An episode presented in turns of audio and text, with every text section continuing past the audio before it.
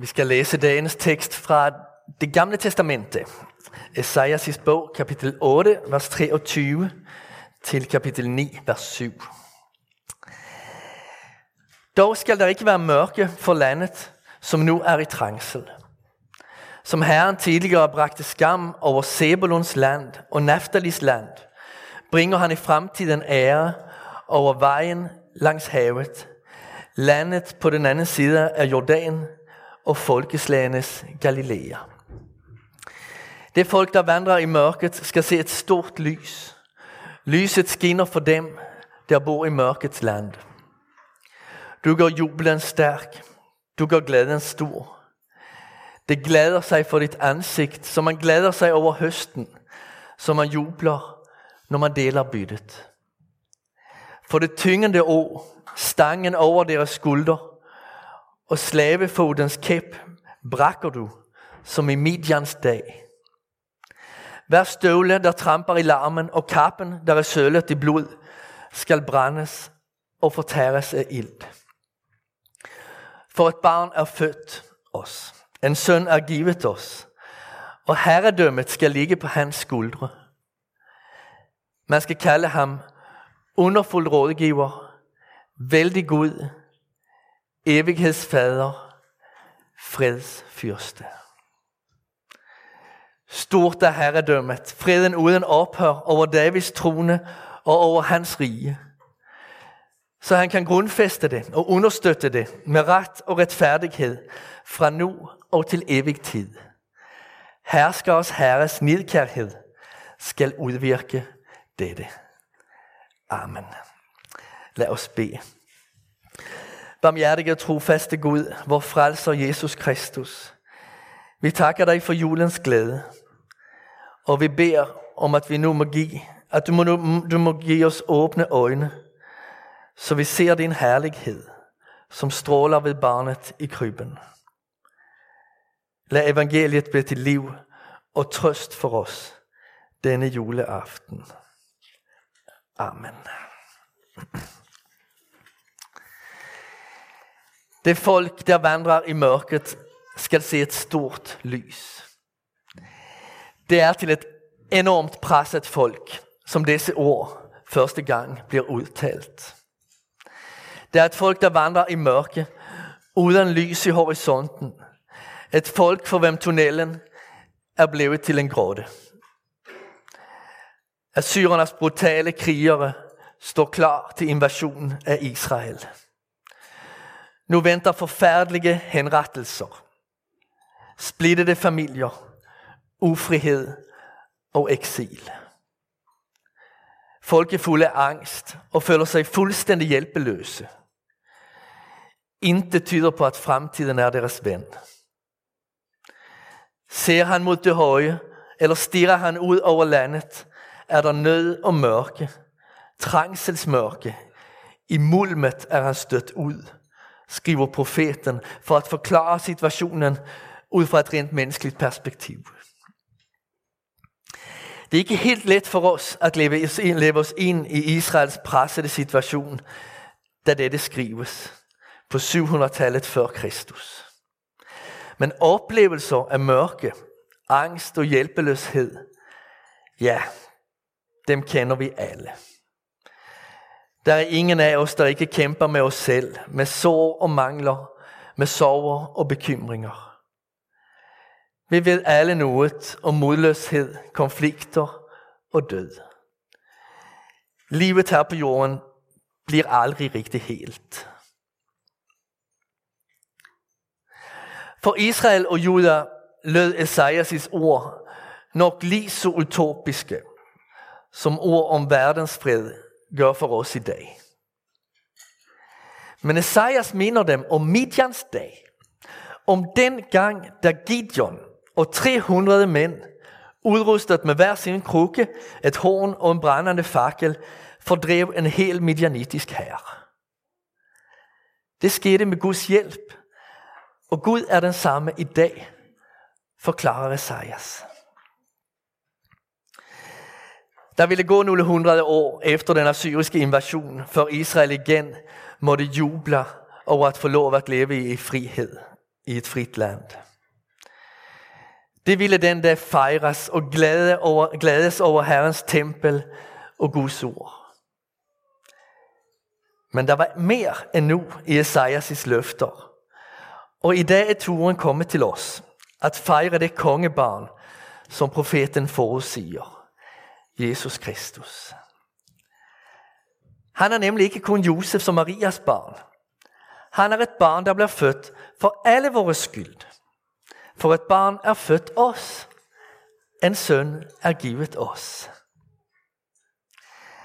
Alle der får barn er nysgerrige på, hvilket barn det får. Hvordan er den nyfødte baby? Nu skal man lære ham eller hende at kende.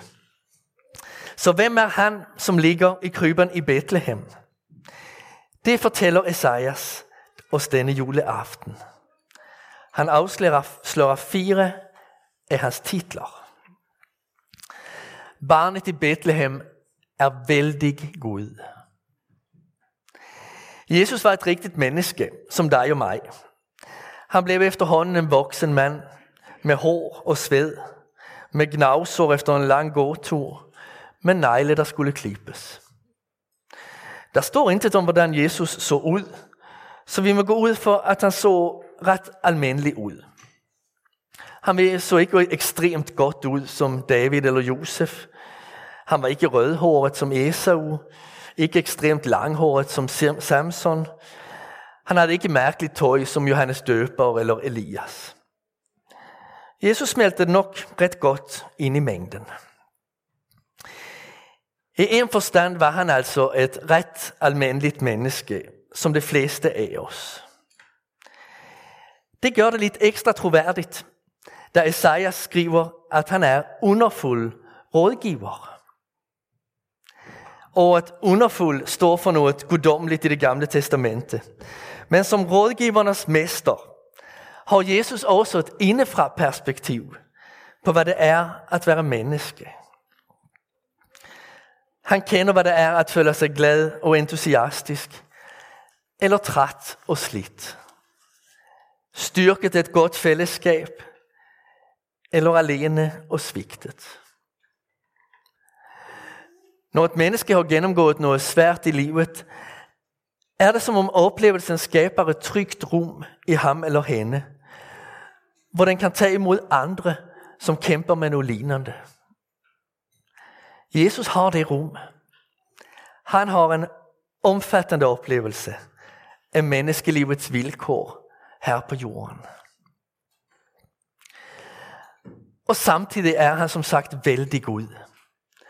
Han som til syneladende er lige så hjælpeløs mod verdens magter som 300 mænd mod en stor midjanitisk hær, har al magt i himlen over universet og på jorden. På hans skuldre ligger hele herredømmet, og intet er ham overmægtigt. Julens evangelium forkynder en vældig Gud, der elsker os så ubegrænset, at han gør sig lille og tager plads i menneskers trange livsvilkår. I Kristus får Gud hud. Barnet i Bethlehem er vældig god og underfuld rådgiver. Barnet i Bethlehem er evighedsfader. På et, på et tidspunkt siger Jesus til sine disciple, jeg vil ikke efterlade jer faderløse. Jeg kommer til jer. I treenigheden er Kristus sønnen.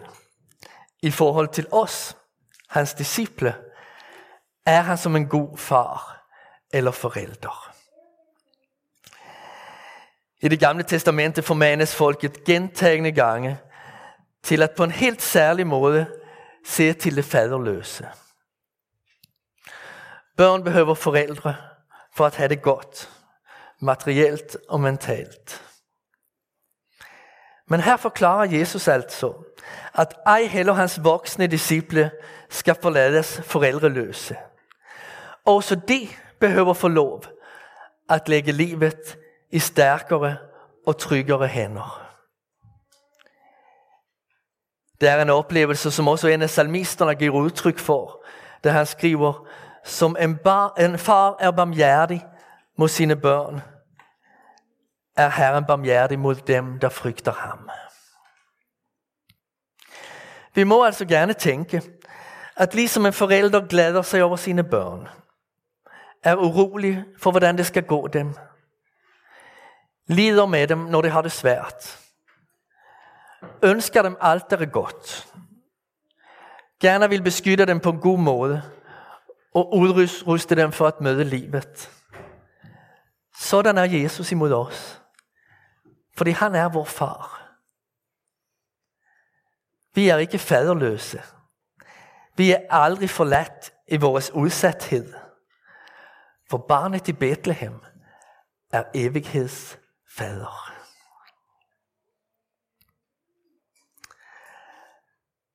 Barnet i Bethlehem er freds fyrste. Det tyngede å knækkes.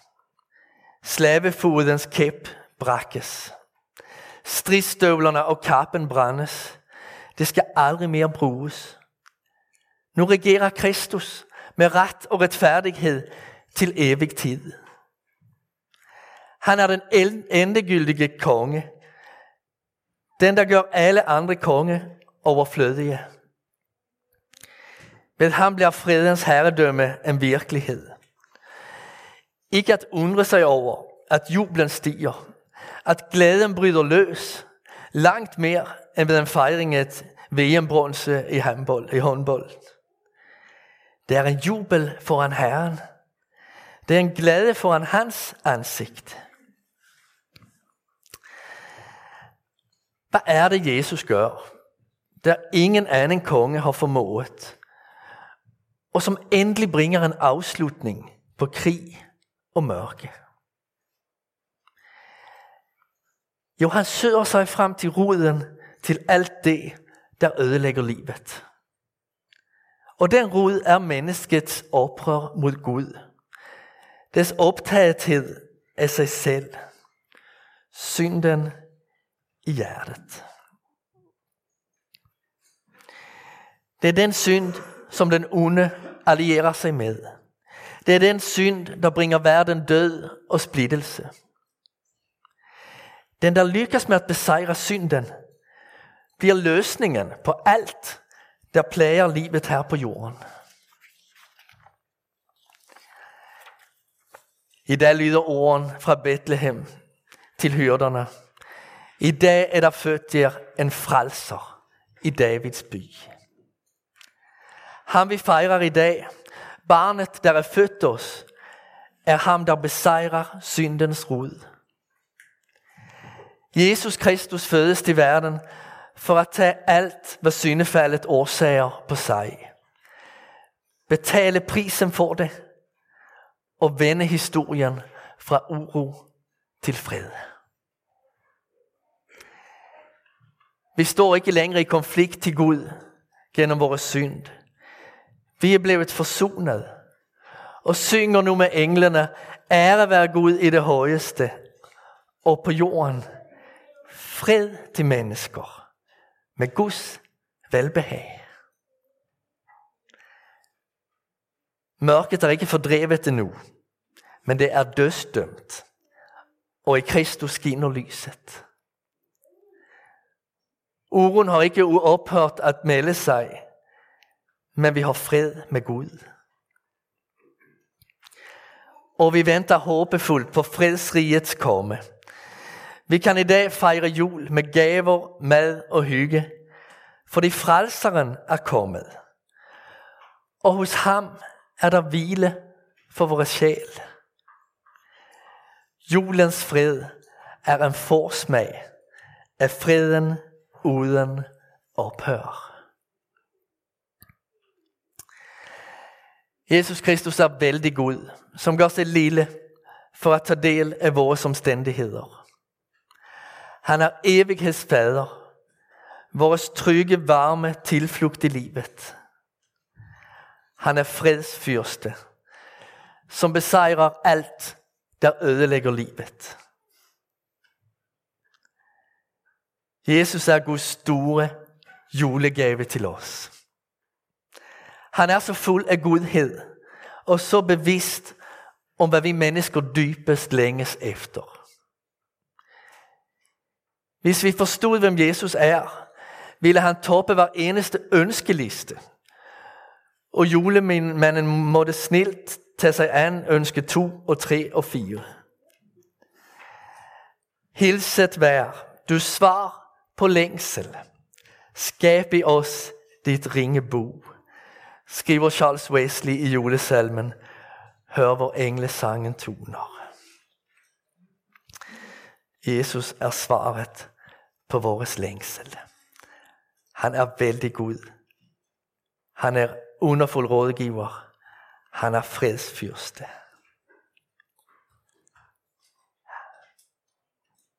Evighedsfader. Så til sidst. Hvem er det egentlig, der først får lyset at se? Er det Maria, hyrderne, det vise mænd? Ja, det er det. Men kan vi også svare, at det er dem, der bliver allerhårdest ramt af den assyriske invasion? Esajas taler om mørkets og vandærens land, Sebulons og Naftalis land, samt folkeslagenes Galilea helt oppe i nord. Han taler om vejen langs havet i nordvest, landet på den anden side af Jordan i nordøst. Det var derfra, at syrerne væltede ind i landet i 700-tallet. Er det rigtigt, som Esajas skriver, at det er for dem, som Kristus lyset skinner allerførst og allerstærkest? Er det for dem i Naftali og Zebulon? Ja, vi læser i Matteus evangeliet 4, vers 13. Jesus forlod Nazareth og kom og bosatte sig i Kapernaum ved søen i Sebulons og Naftalis land. Da Jesus cirka 30 år efter sin fødsel i Bethlehem træder frem og forkynder evangeliet, så søger han sig frem til det folk, som dengang ved invasionen mistede både sit livsmod og sit liv. Verdens lys opsøger dem, der generationer senere lever med fortællingerne om besættelsens mørke. Og sådan er Jesus stadigvæk.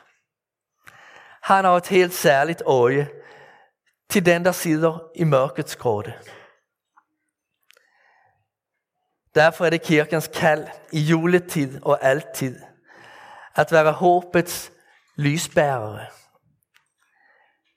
Kirkens nådemidler, det sakramenter, ordet, kirkens fællesskab, er den krybe, hvor mennesker kan finde frem til Jesus og lære ham at kende som verdens lys.